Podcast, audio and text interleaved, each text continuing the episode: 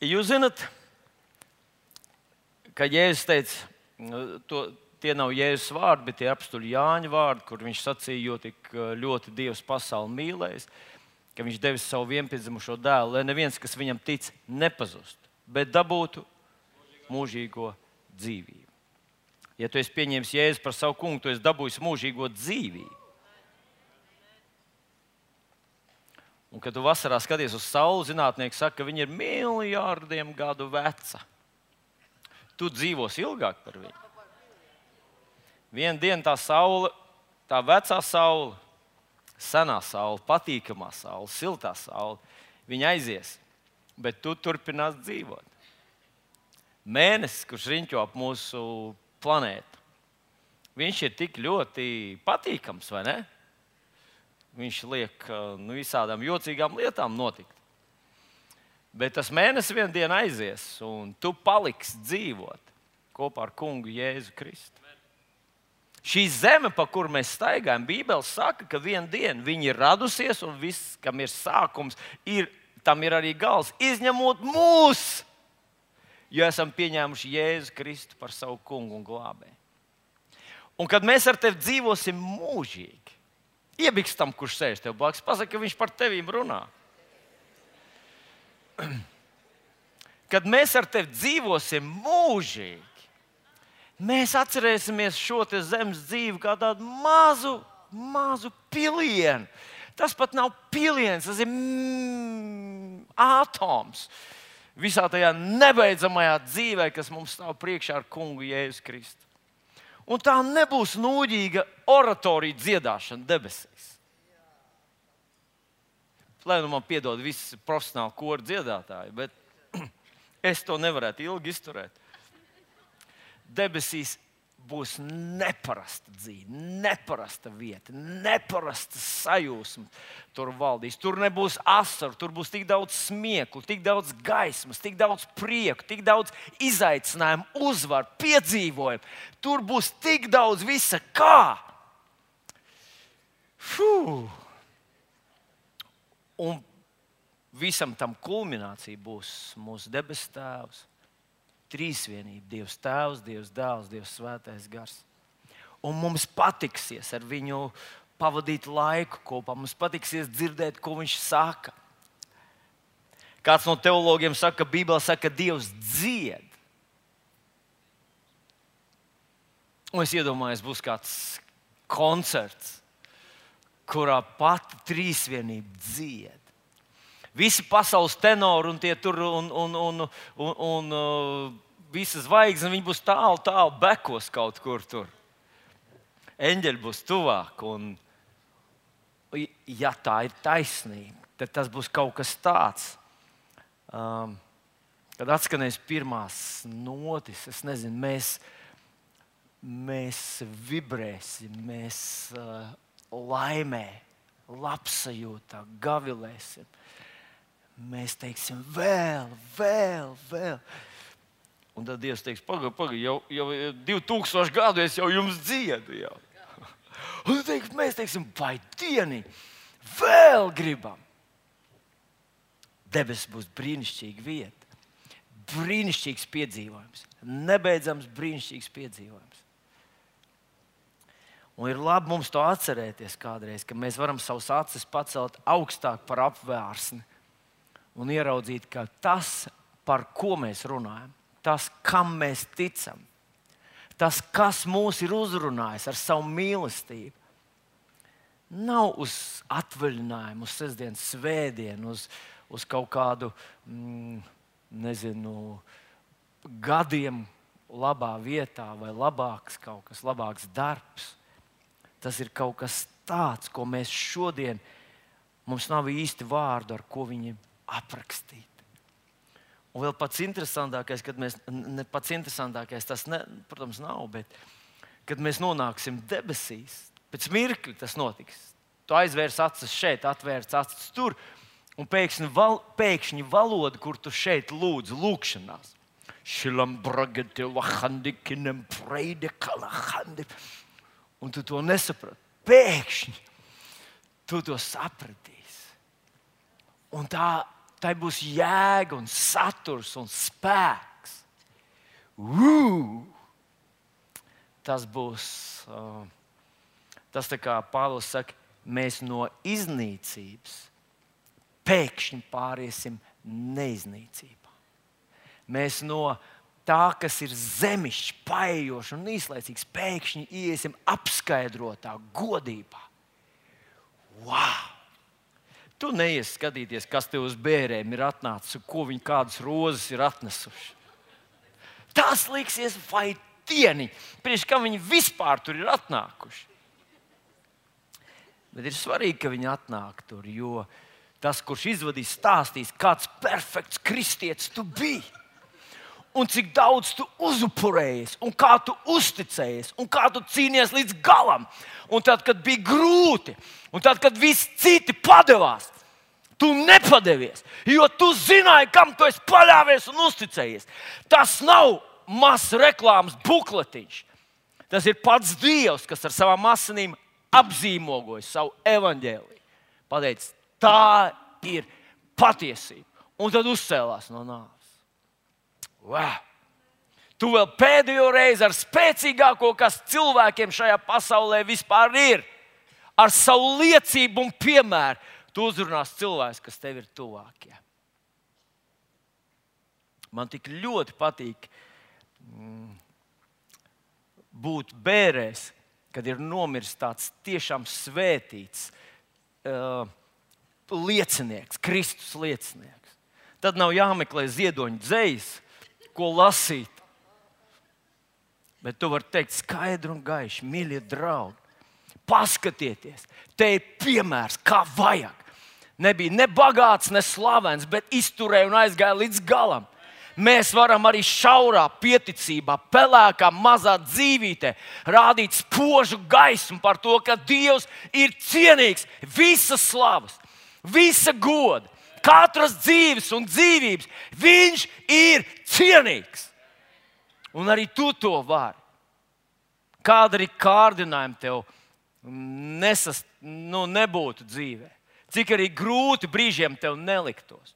Cik arī varbūt tev šķiet, citi ir vairāk apdāvināti kā tu. Tu vari atstāt labāko, ko tu vari atstāt šai pasaulē, savu liecību par to, ka tu uzticējies, tu piederi, tu tici, tu mīli kā Līga šodien sacīja, tu neprātīgi mīli.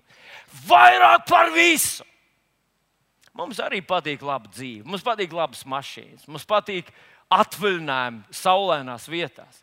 Arī mums patīk, kad cilvēki mūs sveicina, un pazīst un, un apbrīno. Bet vairāk par visu. Pasaka, vairāk par visu.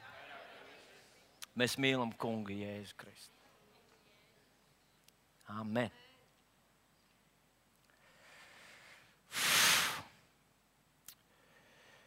Dievs iesākot šo gadu mums iedeva iesai grāmatu 60. nodaļu, no 1 līdz 5 pantam.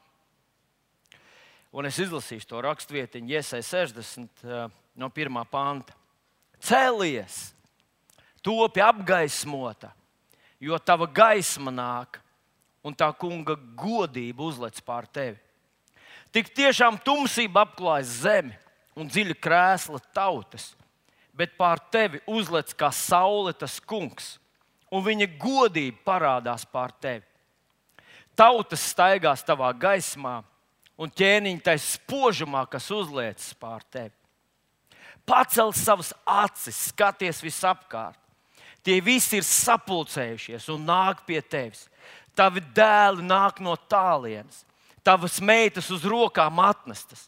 Kad tu to redzēsi, tad tu starosi priekā, un tavs sirds iedrebēsies un atvērsies, jo jūras bagātības virzīsies šurp pie tevis, un tautu mantas ieplūdīs tevī. Aleluja! Un tas sākās, tas vārds sākās ar celies. Celies! Ja šis pirmais noteikums netiek izpildīts, tad visas tās pārējās lietas ir zem liela jautājuma zīme. Jo, ja būtu otrādi, Ja mēs vienkārši varētu sēdēt tur, kur esam, atrasties tajā stāvoklī, kādā līdz šim esam bijuši, un neviens neapšauba, ka nonākt tur, kur mēs esam šodien, tas prasīja kaut kādu piepūli. Tu esi saņēmies, un es cīnījies, un kaut ko esmu uzvarējis, un tu esi tur, kur es šodien. Raugoties uz tevīm, kad tu sēdi šeit divkalpojumā un neesi aizmidzis, tas nozīmē, ka tu esi cīnītājs. Tu esi saņēmies, tu esi sadzirdējis Dieva uzrunu, un tu esi atbildējis viņam, un tu esi rīkojies. Neviens tevi nevar nosodīt, ka tu neesi kaut ko darījis, ka tu esi sliktāks par visiem citiem.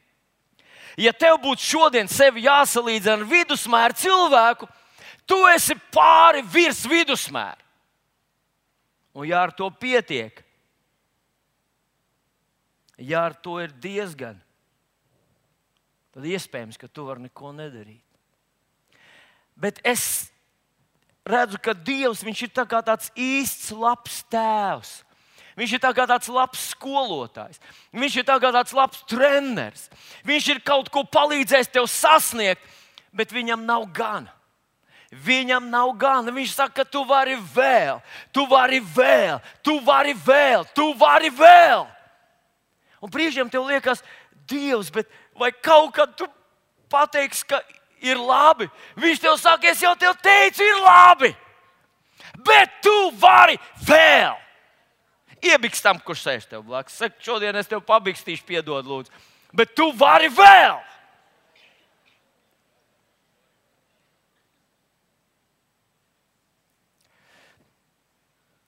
Nu, Celies, tas nozīmē atstāt to vietu, kur tu līdz šim esi bijis. Tas nozīmē tā kā, tā kā kaut kādu virzību, tas ir nozīmē jaunu pielikšanos.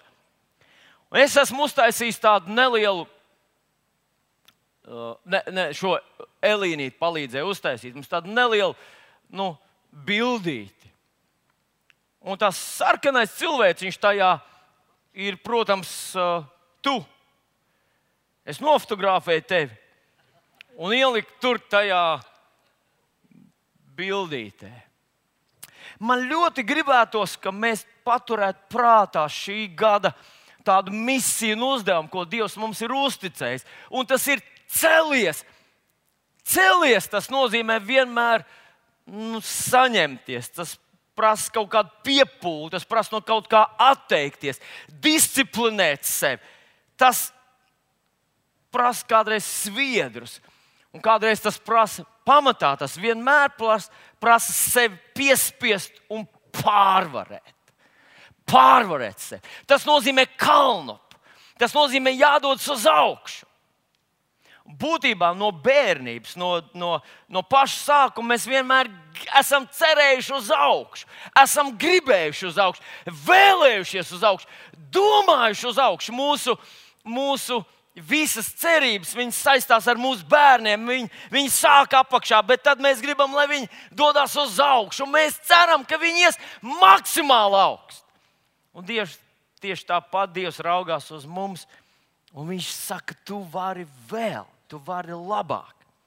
Nu, padomāsim pavisam kaut kādām uh, elementārām lietām. Nu, nu, pieņemsim, mēs šodien ļoti daudz dzirdam par tādu veselīgu dzīvesveidu, par veselīgu, pareizu ēšanu. Nu, tā ir viena lieta, ka tu uh, dzirdi kādu lekciju, ka tev kāds tā īsi un kodolīgi un krāsaini rāda, cik tas ir labi mm, ēst veselīgi, neēst tos, tos uh, lētos, taukiem pilnos, kaloriju pilnās un tā tālāk, tur ēdienas, bet ēst kaut kādus dārzeņus, kaut kādus riebīgus brokoļus un, un, uh, es pārteicos, garšīgs brokoļs un, un, un vis visādas tur bietas un tā tālāk. Cik tas ir labi tev? Un tu kādreiz saņemies, bet tev liekas, pats, nu kāpēc visas tās labās lietas ir tik negaršīgas? Un vienreiz uzēdis mazliet, nākošais jau tev liekas, ka tu esi izdarījis varoņu darbu, un, un cik viegli atgriezties atpakaļ pie tā, ko tu esi ēdis līdz šim. Un es nelūkšu pacelt rokas, Bet es zinu, ka te ir cilvēki, kas ir apņēmušies ēst labāk, un pēc mēneša konstatējuši, ka ēd tā kā agrāk, kā sentēvēd, uz sacepu kartupeļus ir rīktīgi. Oh, kā man garšoja! Rīktīgi taukos, eļļas, sacep, kraukšķīgi, brūni kartupeļi. Un tad vēl viss kaut ko tur pa virsmu, vēl sacep, un vēl sieru pa virsmu. Jums siekals jau izdalās, ja? Jo, jo tas ir tas, nu, cik ir patīkami, veselīgi un spēku kādu tas dod. Tur aizķāpot līdz divām, apsēsties uzreiz. Huh! Pēsts ir! Ko tad vēl? Šo vairāk jau neko šodien izdarīt nevarēs. Un tad tu visu enerģiju tērē, lai to sagramotu, jā, to tiktu galā. Nu, es par to, ka lai kaut ko izmainītu, tev nākās sev aizliegt, tev nākās pārvarēt savus garšas kārpiņus. Viņas, ir, viņas neatzīst, viņas nepieņem tos tavus jaunos noteikumus, un viņām gribas tos cept, tos kartupeļus. Vai jūs esat kādreiz bijuši Lido un paskatījušies, tur ir tādi, tādi īsti sentēvi kartupeļi? Un jūs kādreiz domājat, neviens tos vairs neņem, jo šodien visur, pie kura kioska to ar nepieiet, visur kliedz veselīgs dzīvesveids, veselīgs dzīvesveids. Bet paskatieties, kāds milzīgs pieprasījums pēc tiem kartupeļiem ir. Vienīgā vieta, pēc kā stāv rindā cilvēki, ir pēc rīktīga eļļā. Tā nav īsti mašīna eļļa, tas ir kaut kas labāks. Rīktīga eļļa sagrauzdēti, piloši, sulīgi, spīdīgi kartupeļi. Mēs taču gribam īstu ēdienu par savu naudu. Tu ne, neņem tos kartupeļus. Ja tu neņem tos kartupeļus, tu jau esi pussolīti priekšā vidusmēram. Tas ir grūti atteikties no cukuriem. Ak, Dievs! Es esmu mēģinājis to izdarīt. Ziniet, ko? Tev brīžiem liekas, ka ai, labāk, ātrāk nomiršu, bet, eh, bet es nevaru to mazo um, sacukuroto kaut ko. Man tā vajag. Viņu liekas, ka es bez tādas dzīves nestrādāju. Pusdienas nav pusdienas, ja beigās nav kaut kas mm, ļoti salds. Jums tā nav, vai ne? Jūs esat laimīgi, jums par vienu cīņu mazāk. Nu,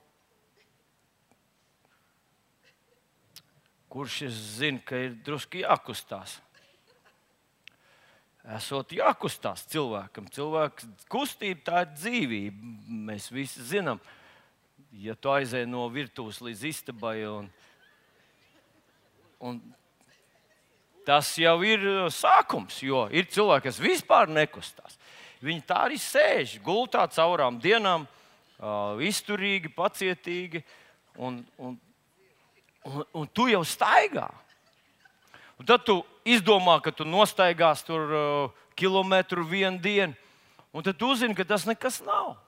Ka normāli ir jāstaigā kaut kādi tur. Es, ne, nu, es nemāku pateikt precīzi, neesmu speciālists tajā jomā, bet es zinu, lai arī ko tu darītu, vienmēr ir par maz.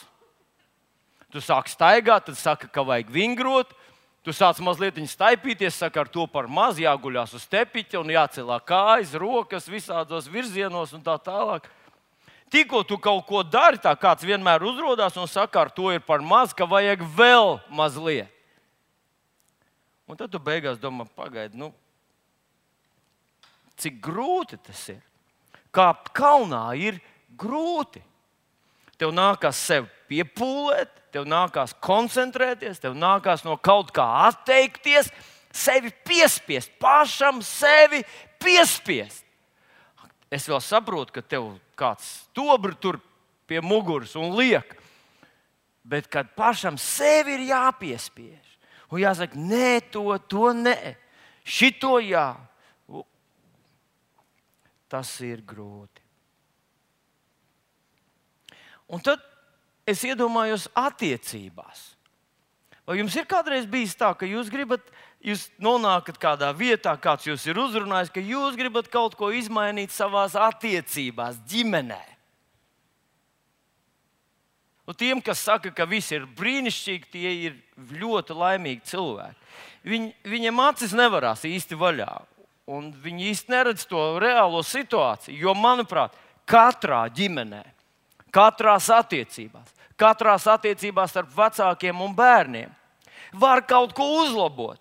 Un Dievs ik pa laikam sūta tev kādu vēstnesi un sūtni un praviet, kas saka, ka tu vari to uzlabot. Tu vari to uz, tu vari būt vēl labāks savā ģimenē. Tu vari būt vēl labāks saviem bērniem. Un tad tu izlem, ka tu tagad tāds būsi. Un tad tu pieliec piepūli. Un zinat ko? Dažreiz ir interesanti redzēt, ka es to arī par sevi. Kad tu pieliec to piepūli, Bet, lai to konstatētu kāds no malas, viņam vajadzīgs mikroskops. Īpašais mikroskops, ar kuru var mazākās novirzes no esošā stāvokļa pieregistrēt. Un zinātnieki to spēja pierādīt. Ziniet, trīs dienu konferencē beig beigās viņi pierāda, ka zinām izkustēšanās ir notikusi. Jo ar neapbruņotu acu to nevar redzēt. Vajag kaut kādus zinātniskus līdzekļus, lai konstatētu, ka tu vairs tā neapvainojies kā agrāk. Ka tu vairs tā nedusmojies tik ātri, ka aizdedz ir drusku lēnāka. Ka tagad tu esi tik pacietīgs, agrāk tu jau būtu šāvis, bet tagad tu tikai vēl lādē. Un tu gribi tagad būt tas saldais, un tev liekas, ka tu esi krietni saldāks, bet tie, kas tevi garšo, saka, nevar just atšķirību nekā. Un tad tas ir grūti. Un tad tu vienkārši atmet ar roku un saki, eh, ka nav tā, nav. Bet Dievs, skatoties uz tevi, saka, ka tu vari būt, tu vari būt labāks. Tev tikai ir jāpieliekas, tev ir jāpieceļas. Es iedomājos, kā tas ir jauniešiem, kad viņi iet uz skolu. No nu, skolā šodien mācības notiek mobilais telefons. Skolotāji kaut ko savā nodabā stāsta pie, klā, pie tāfeles, bet jaunieši visi skatās uh, tieši saistē ar skolotāju. Es tā domāju, tas ir mans priekšstats. Un tad viņi atnāk mājās no skolas, dabīgi, ka viņi neko daudz neatcerās, jo visu laiku jātaisa selfija. Un jāskatās, kurš laiko šito vienu. To, ka iepriekšēji ir nolaikot, tas maza bēda. Šodien jānolaiko šis. Bet, ja skolnieks jaunieci apņemās kaut ko mācīties, šis brīnišķīgs laiks īstenībā tas ir viens no labākajiem. Paklausieties, jaunieši. Nav gandrīz mm, jaunībā, ir daudz brīnišķīgu lietu, bet tas, ka tu vari visu laiku uzzināt kaut ko jaunu. Ejot uz skolu, katru dienu uzzināt, tev nāk priekšā pasniedzējs, kurš stāsta tev kaut ko jaunu. Nekad vēlāk, kad tu izēj no skolas, tad viss tev, viss tev jāuzroka pašam. Ir.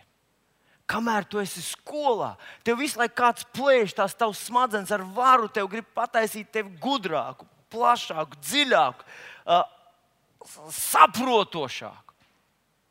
Tā ir tāda dāvana. Un, ja to palaiž garām, vēlāk ir ļoti grūti to vēlreiz sadzīt. Bet, ja tu apņemies mācīties, tad tas ir grūti. Ir jāpārvar sevi, jāpiespiež sev. Jāpasaka mammai, ka tu neko šodien nevari palīdzēt, jo tev jāmācās.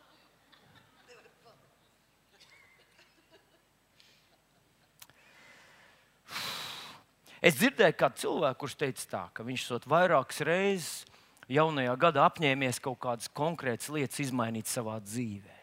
Un viņš teica, un katru gadu man bija jāviļās. Apņēmos ēst veselīgi, nesanāca. Apņēmos teikt, kustēties, nesanāca. Apņēmos tur vēl visu kaut ko profesionāli savā darbā būt labāks. Kāds esmu, tāds esmu. Tad vienu gadu apņēmos neko šogad nemainīt. Un tad viņš teica, ziniet, ko pagaidām izdodas. Pagaidām turos, jā. nekas nemainās. Ja. Viss ir tā, kā bija. Stāv rindā pēc kartupeļiem. Kāds bija rūkts un skāps tāds esmu. Lai viņi pieņem mani, jo es tāds esmu. Bet Dievs saka, ka tu vari. Ja tu celsies, tad Dieva gaisma tev apspīdēs, Dieva spēks tev apspīdēs, Dievs tev palīdzēs. Paklausies, ja tu celsies, ja tu celsies, tas nav nekas jauns šī gada princips. Jēkabs 4, 7, 8. Viņš saka, tuvojieties Dievam, tad Viņš tuvosies jums. Tu saki, kāpēc Dievs tik tālu no manis? Tu esi no viņa aizgājis tā. Ja tu atgriezies pie viņa, ja tu celies, lai dodos viņam pretī, viņš ceļas doties pretī tev. Nav nekā tāda kā sasnieguma, kas paši uzkrīt tev uz galvas. Ir vienmēr jāpieliekas, ir jākoncentrējas, ir jāpārvar sevi, ir jāvirzās, ir jāpieliek piepūle, ir jāsaka, es to gribu, es gribu mainīties. Un vislielākais, uh, visgrūtāk mums, protams, ir uzvarēt pašiem sevi. Bet tas sarkanais cilvēciņš tajā kalnā esi tu vienīgais, kura likteni tu vari ietekmēt kā nevienu. Tu vari viņu padarīt par ko vien tu gribi. Tu vari viņu aizvest līdz galam uzvarā, un tu vari viņu sakaut pusceļā atstāt. Tas ir tas, par ko tu atbildēsi Dievam, Dievu, eh, kad tu stāvēsi viņa priekšā. Tu atbildēsi par vienu personu, par simt procentiem. Tas esi tu. Un es šodien, un tas kungs tev šodien uzrunā, cēlies! Cēlies, cēlies, tu vari būt labāks. Un, protams, Dievam ir svarīgas visas tās citas jomas, kuras es pieminēju, bet viņam ir bezgalīgi svarīgas tavas attiecības ar viņu. Arī tajās tu esi kaut ko sasniedzis. Tu jau esi tur, kur tu esi. Tu esi labāks par vidusmēru. Jā, jā, tu vari sev papliķēt pa plecu un teikt, es taču tomēr neesmu tāds kā citi. Bet tev nekad nebūs jāatbild par citiem. Vienīgais, par ko tu tiešām atbildēsi, esi tu. Un tava attieksme, tavas izvēles, un tas, kur tu ieguldīji to savu potenciālu, savu spēku. Kas bija tavs mērķis, par ko tu cīnījies? Un kā man patīk, ka Bībelē kaut kur ir teikts tā, tādiem vārdiem, jūs vēl neesat līdz asinīm cīnījušies pret grēku. Tas nozīmē, ka cīņa, cīņa ir īsta cīņa. Un tas ir kaut kas, ko tu dari nevis 15 minūtes nedēļā, nevis 2 stundas nedēļā, bet tas ir kaut kas, par ko tu esi tā nodevies, kam tu redzi jēgu, par, uz ko tu virzies. Tāpēc, ka tas tev ir tik svarīgi. Un es domāju, no Dieva puses raugoties, mēs viņam bijām tik svarīgi, ka viņš cīnījās līdz asinīm, lai būtu ar mums lai dotos mums klāt, lai palīdzētu mums. Un ir tik gļēvi, ja mēs tā, tādas kaut kādas tādas pagļēvus, kaut kādas mēģinājumus, mikroskopiskas kustības izdarām viņu virzienā. Ir divas raksturvietiņas, kuras es gribētu ieskatīties. Un man jāsaka, ka svētais gars man uzrunāja par tām pašām raksturvietām, kuras mēs skatījāmies iepriekšējā svētdienā. Es nevaru no viņām aiziet prom. Tā pirmā ir Marka evanģelijas 9. nodaļa. Marka evanģelijas 9. nodaļa, un es lasīšu šeit no, lasīšu no 16. panta. Marka 9, no 16. panta. Uh, es lasu.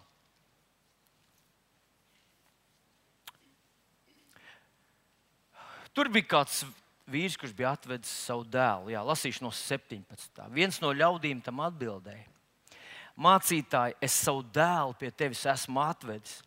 Tam ir mēms gars. Un kad tas viņu sakampīja, tad tas to rausta. Un viņš puto un griež zobus un sastingst. Un es taviem mācekļiem esmu sacījis, lai tie to izdzen, bet viņi nevarēja. Bet viņš tiem atbildēja un sacīja: Ak, tu neticīgā cilts, cik ilgi es pie jums būšu, cik ilgi es jūs panesīšu, vediet to pie manis, un tie to atveda pie viņa. Un kad tas tu viņu redzēja, tad tas gars tūdaļ to raustīja. Un tas pie zemes kristams, putodams, vārtījās. Un viņš jautāja tā tēvam, cik ilgi viņam tas tā jau ir. Bet tas viņam sacīja no bērnības. Un daudzkārt viņš to ir iemetis gan ugunī, gan ūdenī, lai to nogalinātu. Bet, ja tu ko spēj, tad palīdzi mums, apžēlojies par mums. Un Jēzus uz to sacīja. Tu saki, ja tu spēj, kaut tu varētu ticēt.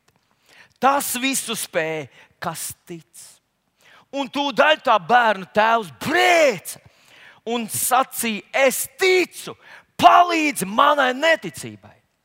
Bet Jēzus redzams, ka ļaudis saticēja, apdraudēja nešķīsto garu, to sacīdams: Tu mēmēs un kurlais gars, es tev pavēlu, izej ārā no tā un neieej vairs viņā. Un tas izgāja, brēkdams un to stipri raustīdams. Un viņš kļuva līdzīgs miroņam, tā ka daudz sacīja, tas ir nomiris. Bet Jēzus to ņēma pie rokas, piecēla un tas uzcēlās. Āmen. Ziniet, ko mēs varētu tā īsti iedziļināties šajā rakstvietiņā, mums tomēr vajadzēs kādu, šo, kādu personāžu, kas ir līdzīgs tam tēvam. Un te ir rakstīts, un tūdaļ 24. pants, un tūdaļ tā bērna tēvs, ko darīja? Brēc! Un tūdaļ tā bērna tēvs, brēc! Es ticu, palīdz manai neticībai. Pagaid, pagaid, nu brēkt. Te ir Jēzus, te ir visi viņa cienījamie 12 apstuļi, te ir visi draugs, vecie diakoni, te daži jaunie, jauni ticīgie. Nu, nevajag brēkt. Brēkt nevajag, vai ne? Bet, zinot, ir kaut kas tajā, ka cilvēks brēc. Kaut kas tajā ir maģisks, spēcīgs. Kaut kas tajā ir tāds, ka, nu, ka tas mm, sakustina lietas. Un esmu sarunājis vienu priecē, es ticu, ka viņš, viņš tūlīt eh, nodemonstrēs mums to. Jā. Nu, bet paklausieties, mums vajadzēs vienu brēcēju tur, vienu brēcēju vidū un vienu brēcēju tur. Jā. Es ticu! Palīdzi manai neticībai! Vai tas bija brēciens? Nu, kāds jau uzreiz filmē, nu, draugi, nu, kas tas ir? Paklausies, darām tā. Tu ej atpakaļ tur, un kad es uz tevi parādu ar pirkstu šito te. Bet, uh, brēc tā, es ticu, um, palīdzi man, nevajag to neticību, labi? Jā. Vai mums kāds varētu būt tur, tajā sektorā, kāds, kurš māk nokopēt šo brēcienu? Es ticu, palīdzi man, Jēzu. Ir kāds? Rekur, Gunār, tu vari nobrēkt. Nu, izdara to. Gunār, mēs klausāmies tev. Labi.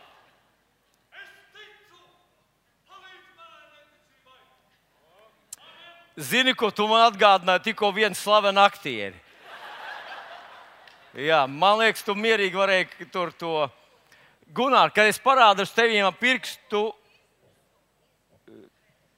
tā ticībā tu brēc. Labi? Ne kā aktieris, bet tagad, tagad nē, bet kad es parādu uz tevīm, tad tu to dari. Labi?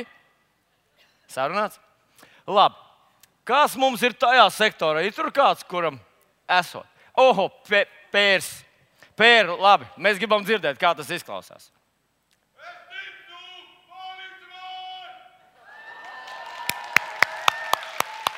Ļoti labi. Ļoti labi. Mīļie draugi, paskatieties, kas te notiek. Kad mēs izlasām šo stāstu, mēs konstatējam, ka tā situācija vispirms ir smaga. Tam bērniņam ir ļoti smaga slimība. Un kā mēs redzam šeit, tā ir demoniski inicijēta. Tur ir kaut kāda demona darbība uz to bērnu. Un brīžiem Tas no bērnības jau velkās. Mēs nezinām īsti cik, bet manuprāt, tas ir tas puisīts ir kādos vēlīnos 11 gados, kāds pusaudzis. Un tas tēvs saka, viņš no bērnības tā situācija ir ielaista, tā slimība ir smaga. Bet paskatieties, tas bērns ir kritis ugunī un ūdenī, un tēvs ar to ir ticis galā. Viņš viņu ir izglābis. Un mēs varētu teikt tam tēvam, paklausies, ņemot vērā apstākļus, ņemot vērā situāciju, tu e, tev izdodas tīri labi. Tu, mēs varam papliķēt tev pa plecu un teikt, paklausies, mīļais draugs. Mēs zinām gadījumus, kad līdzīgās situācijās, kad tas bērns iekrita ūdenī, tad viņu neizglāba. Kad viņš iekrita ugunī, tad tur nebija neviena, kas palīdz.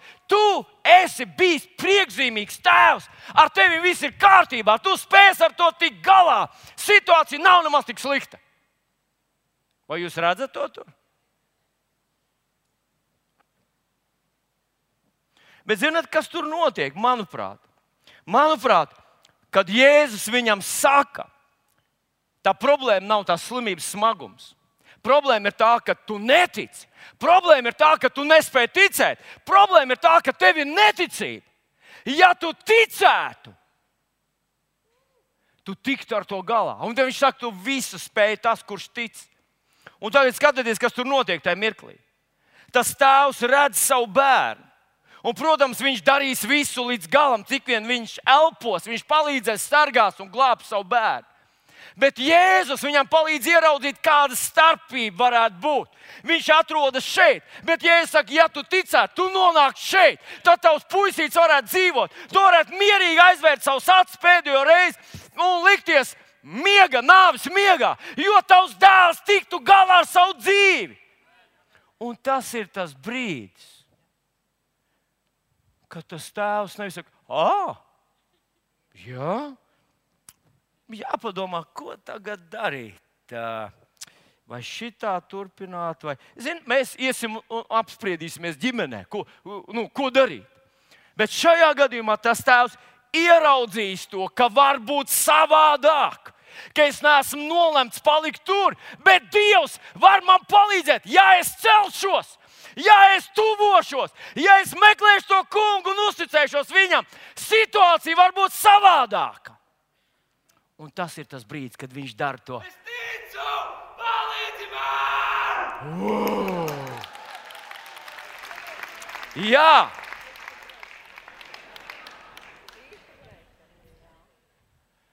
Jēzus nekad nevienu nenorāja, ka viņš sauc, ka viņš izpauž to savu ticību. Nevis tādā klusā, jā, nu, es, es. aizlūdziet par mani. Nē, es negribu nevienam neko teikt.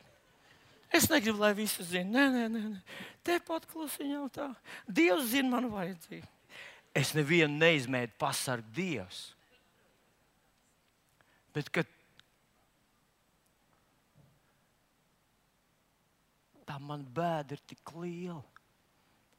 Oh, Dievs, tas var būt savādāk. Palīdzi! Un tad, mīļie draugi, es gribētu parunāt par laulību. Ziniet, ko vēlams? Viena no lietām, ko vēlams šodien ienīst, ir laulība. Kāpēc? Jo laulība ir tā mazā drošā šūniņa, tas mazais cietoksnis, kur divi vīrs un sieva var uzaugt veselīgus, skaidri domājošus, neaizvainotus, nesāpinātus bērnus. Un tie bērni to nesīs tālāk.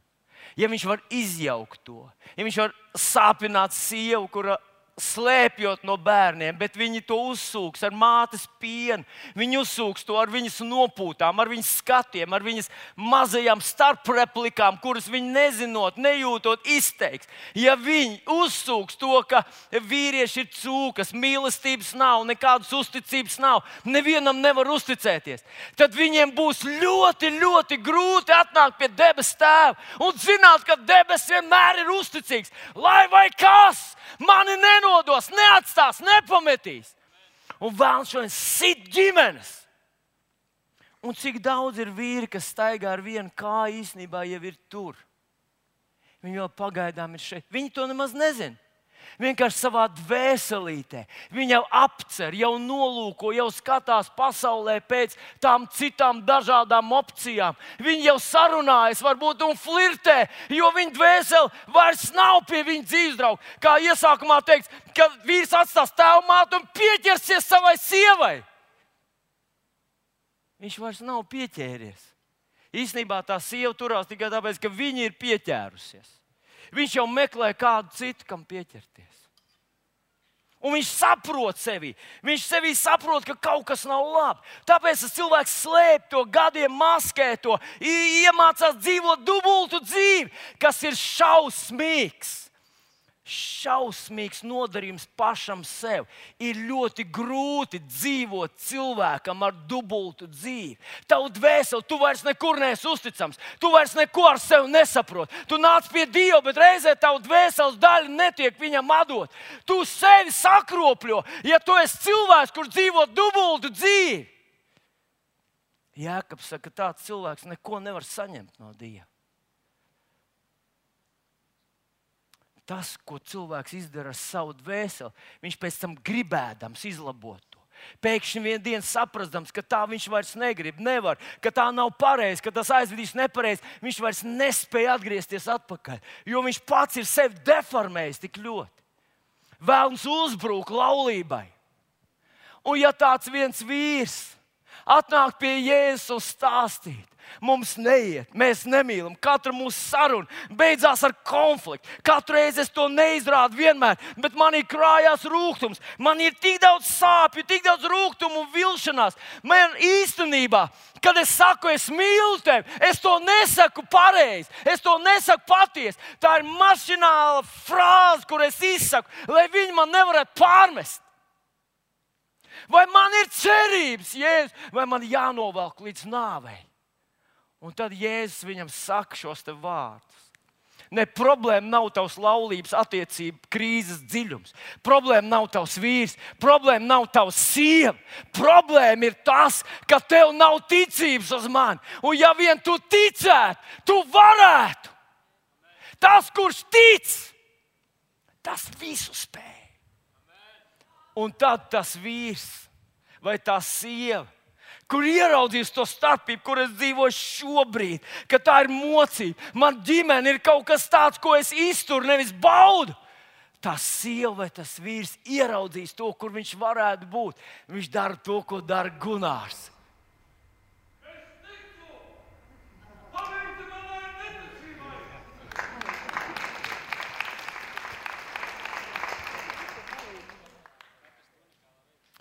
Slavu Jēzum! Jā. Jā, slavu Jēzum. Nu, un tad varbūt mēs runātu par garīgu, par tavu garīgumu. Kungs, vai es varu mīlēt Jēzu neprātīgi? Vai tas var man sagādāt prieku?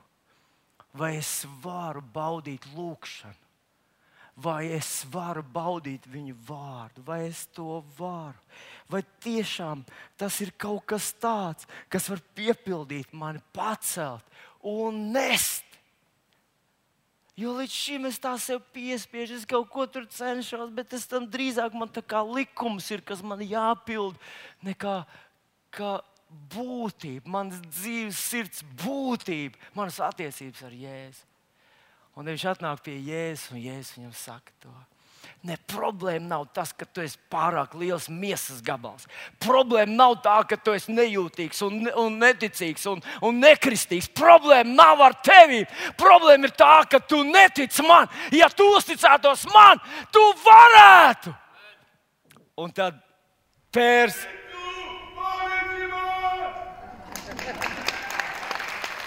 Huh. Sakiet, vai jūs izbiedējat tādu brēcienu?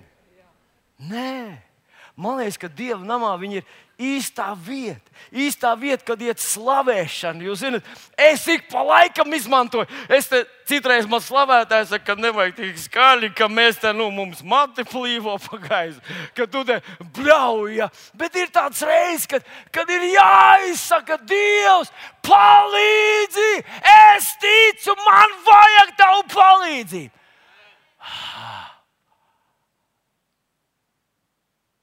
Halleluja!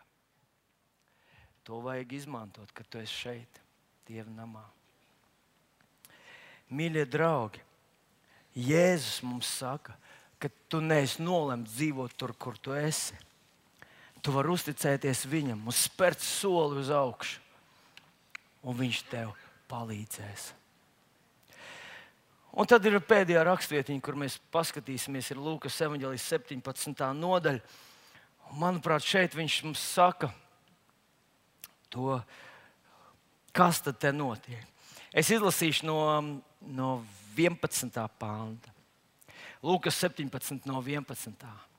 Un notika ceļā uz Jeruzalemi, viņš gāja caur Samariju un Galileju un iegā, iegriezās kādā ciemā.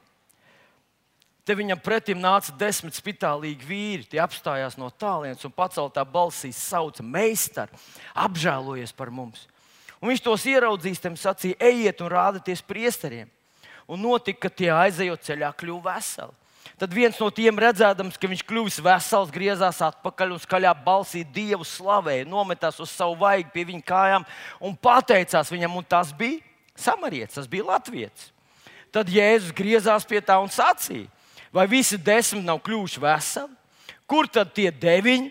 Vai cits neviens nav atradies, kas būtu griezies atpakaļ un dievam godu diev, devis, kā viens šis citautietis?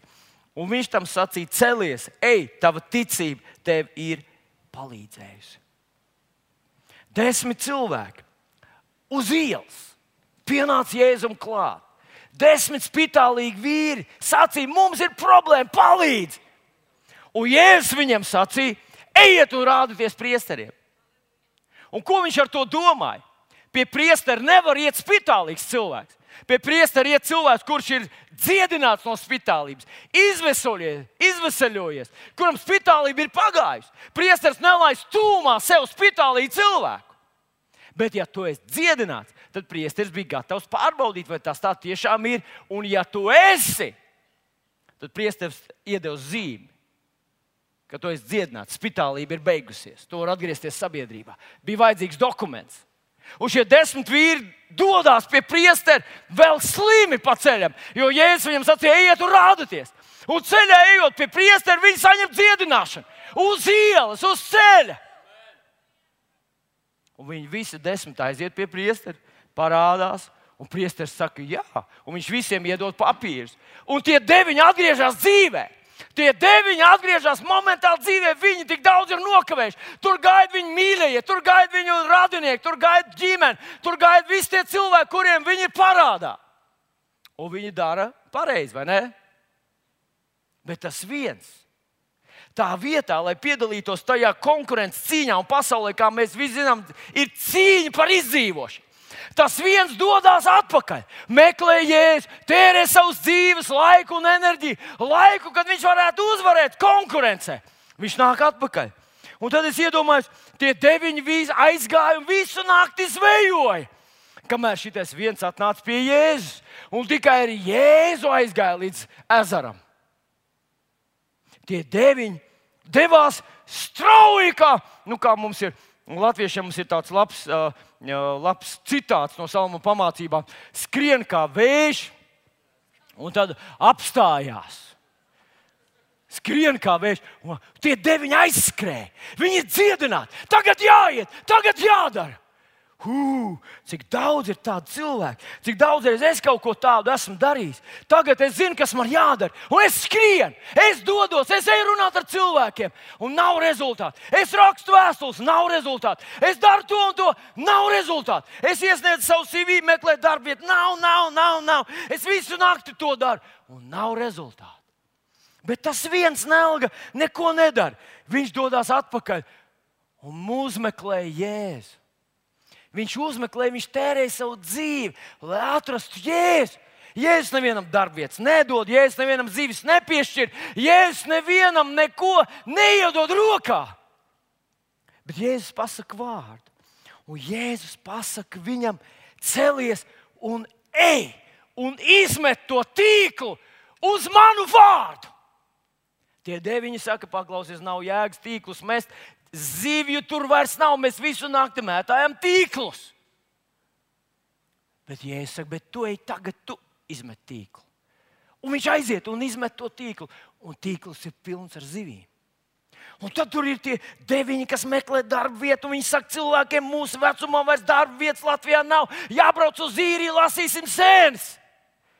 Nu, sēnes var lasīt arī Latvijā, starp citu. Sēņu ir ļoti daudz. Mežos, vai ne? Un tas viens ir patērējis savu dzīvi, lai atnāktu pie kunga Jēzus. Viņš ir iztērējis savu dzīvi, lai atnāktu pie Jēzus. Un Jēzus viņam saka, zini ko, ej, iesniedz savu CV.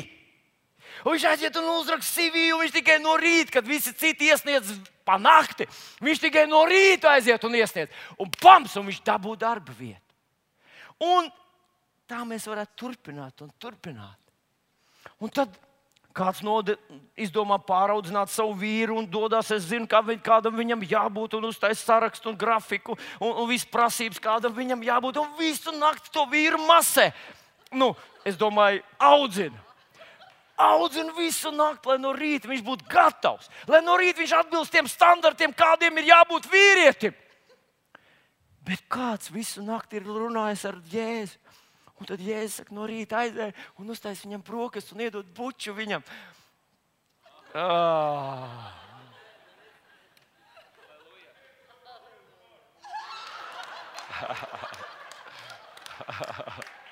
Vo, vo, jā, jā. Un pēkšņi tas vīrs, kurš bija no klīnas, kurš bija nejūtīgs un cietsirdīgs, Vīrs, kur nevarēja pat ar atskaldām āmuru vest pie sajēgas, pēkšņi viņš atmostās, pamostās un kļūst maigs un jūtīgs un atvainojas. Jēzu, Jēzu, Jēzu. Jēzu.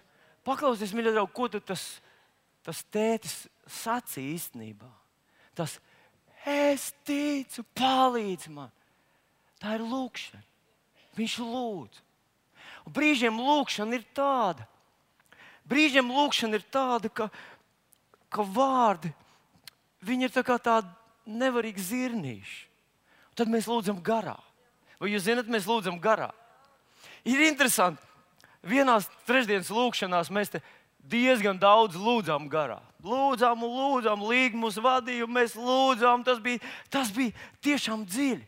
Un tad pie, pēc tam lūkšanām pie manis pienāca viena māsa, kur mūsu vidū viņa teica, šī ir trešā reize. Un es tā pie sevis padomāju, trešā reize vai dieniņa, ko viņu nodomāja tagad. Ziniet, kad mēs lūdzam, Ala brahadi, jem prašande kolambor. Jo romiešiem astoņi teiks, mēs nezinām, ko mums būs lūgt un kā. Un tad Bībelē ir teikts, ka Dievam nevajag mūsu padomus. Ir glupi viņam stāstīt, kas jāizdara. Dievs izdara tā, es tev trešo reizi lūdzu, izdara tā, izdara. Pieskaries manam mazdēlam, lai tur viņam ne tā meitene viņu pamet, un lai viņš atgriežas atpakaļ, lai viņš nāk uz draugu. Ziniet, ir glupi stāstīt Dievam, kas jādara. Mēs lūdzam garā. Un tad tā, tā sieviete inteliģenta, gaiša personība pienāk man klāt, un es jautāju, vai jūs varbūt tā, jums radās jautājums, kas te notiek? Viņi saka, ziniet, ka man neradās nekāds jautājums. Man no tām vibrācijām tik labi paliek. Paklausieties, kas ar jums, kas kaiš veciem kristiešiem, kur tos atraucas, ka kāds lūdzu mēlēs? Kā tā, lai citādi lūdzu vēl ko? Vēlreiz teikt to pašu, ko jau 15 reizes ir pateikts. Dievam ar atmiņu nav problēmas. Dievs atcerās visu. Īsnībā viņš zināja, pirms mēs atvērām mutu, lai teiktu viņam, Dievs, es nāku, kā jau visus šos gadus, teikšu to pašu tev. Tas taču nav pat nu, racionāli. Arī mums ar tevi apniktu, ka mēs jau to zinām, kāds stāsta 15. reizi to pašu anekdoti. Es tev pastāstīšu, jo tu jau neatceries. Tu... Mēs lūdzam garā, vai ne? Mēs lūdzam garā. Lūdzam garā. Bet, kad mēs lūdzam garā, kaut kad mēs nonākam tādā vietā, ka tā kā liekas, ka tā sāp. no šejienes. Vispār, kad sāp šeit, tas neko daudz nelīdz. Tas pat ģimenes, ģimenes pieaugumam nelīdz. Nu, kas sāp šeit, tas nekas liels nav. Bet tā, tā rūpe un sāpes nolaižās līdz tavai sirdī, un tu lūdz. Un tad kaut kur ir tāds brīdis, kad tev prasās izkliegt to savu sāpju, savu bezspēcību, nevarību, nezināšanu. Tu sauc uz debesīm, Dievs, palīdzi man! Dievs, palīdzi!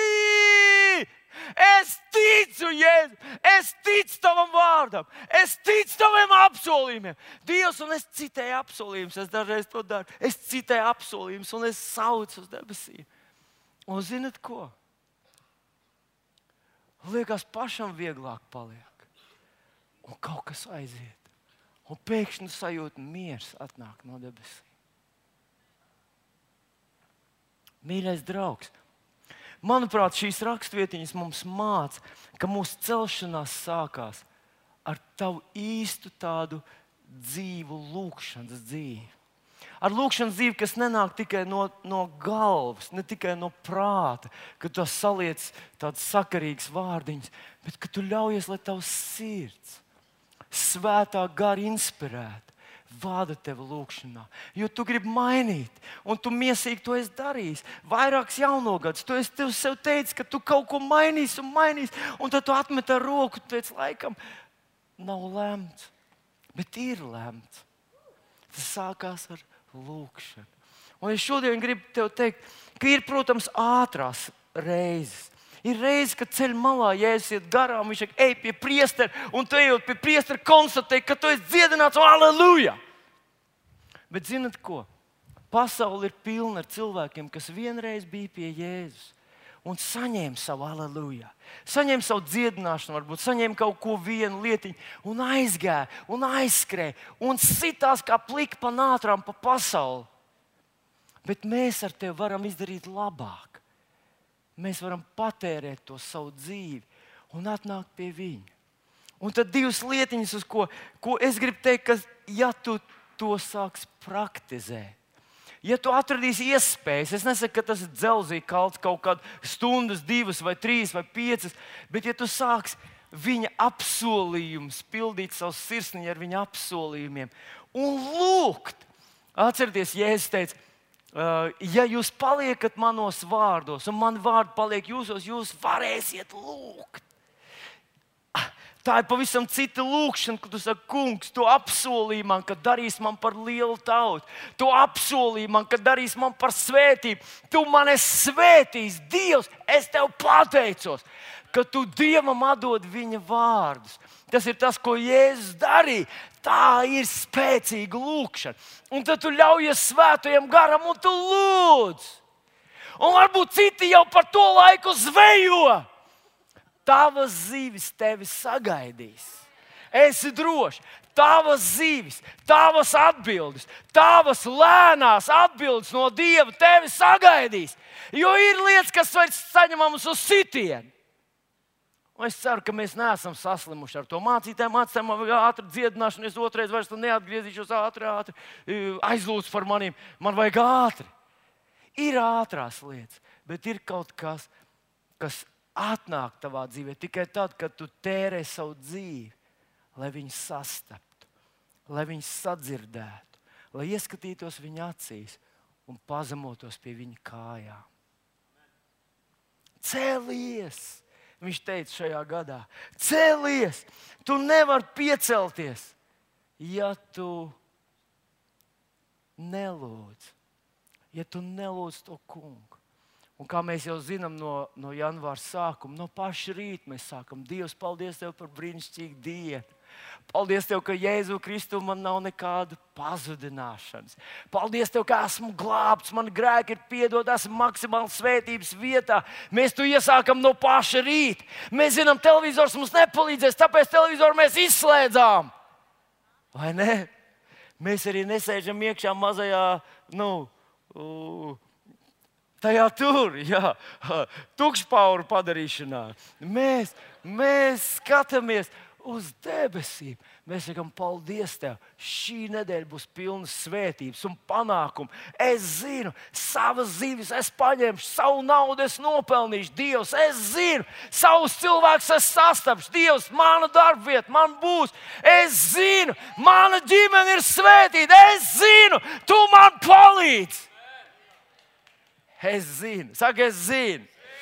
Piecelsimies kājās. Debes Tēvs, es Tev pateicos no visas sirds. Pacel savus rokas uz debesīm.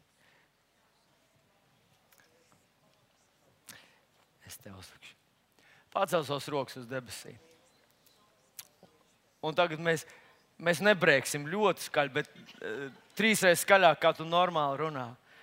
Saki, kungs, es ticu. Es zinu, ka tu man palīdzi es esmu viens no tiem, kas, kas ceļas, jo ticu tev. Es paļaujos uz taviem apsolījumiem. Kad es ceļos, tad tava gaisma, tavs spēks, tava klātbūtne, tava palīdzība man palīdz. Palīdz man, Dievs! Es paļaujos uz tevi! savā glābējā, tavā dēlā, Jēzu Kristu. Esmu svētīts. Cik viens cilvēks var būt svētīts? Tik es esmu. Halleluja! Šī nākamā ir uzvaras nedēļa. Tā ir Dieva klātbūtnes nedēļa, Dieva vārdu nedēļa. Dieva apsolījuma nedēļa. Tā ir svētā gara vadības nedēļa. Tā ir svētuma nedēļa.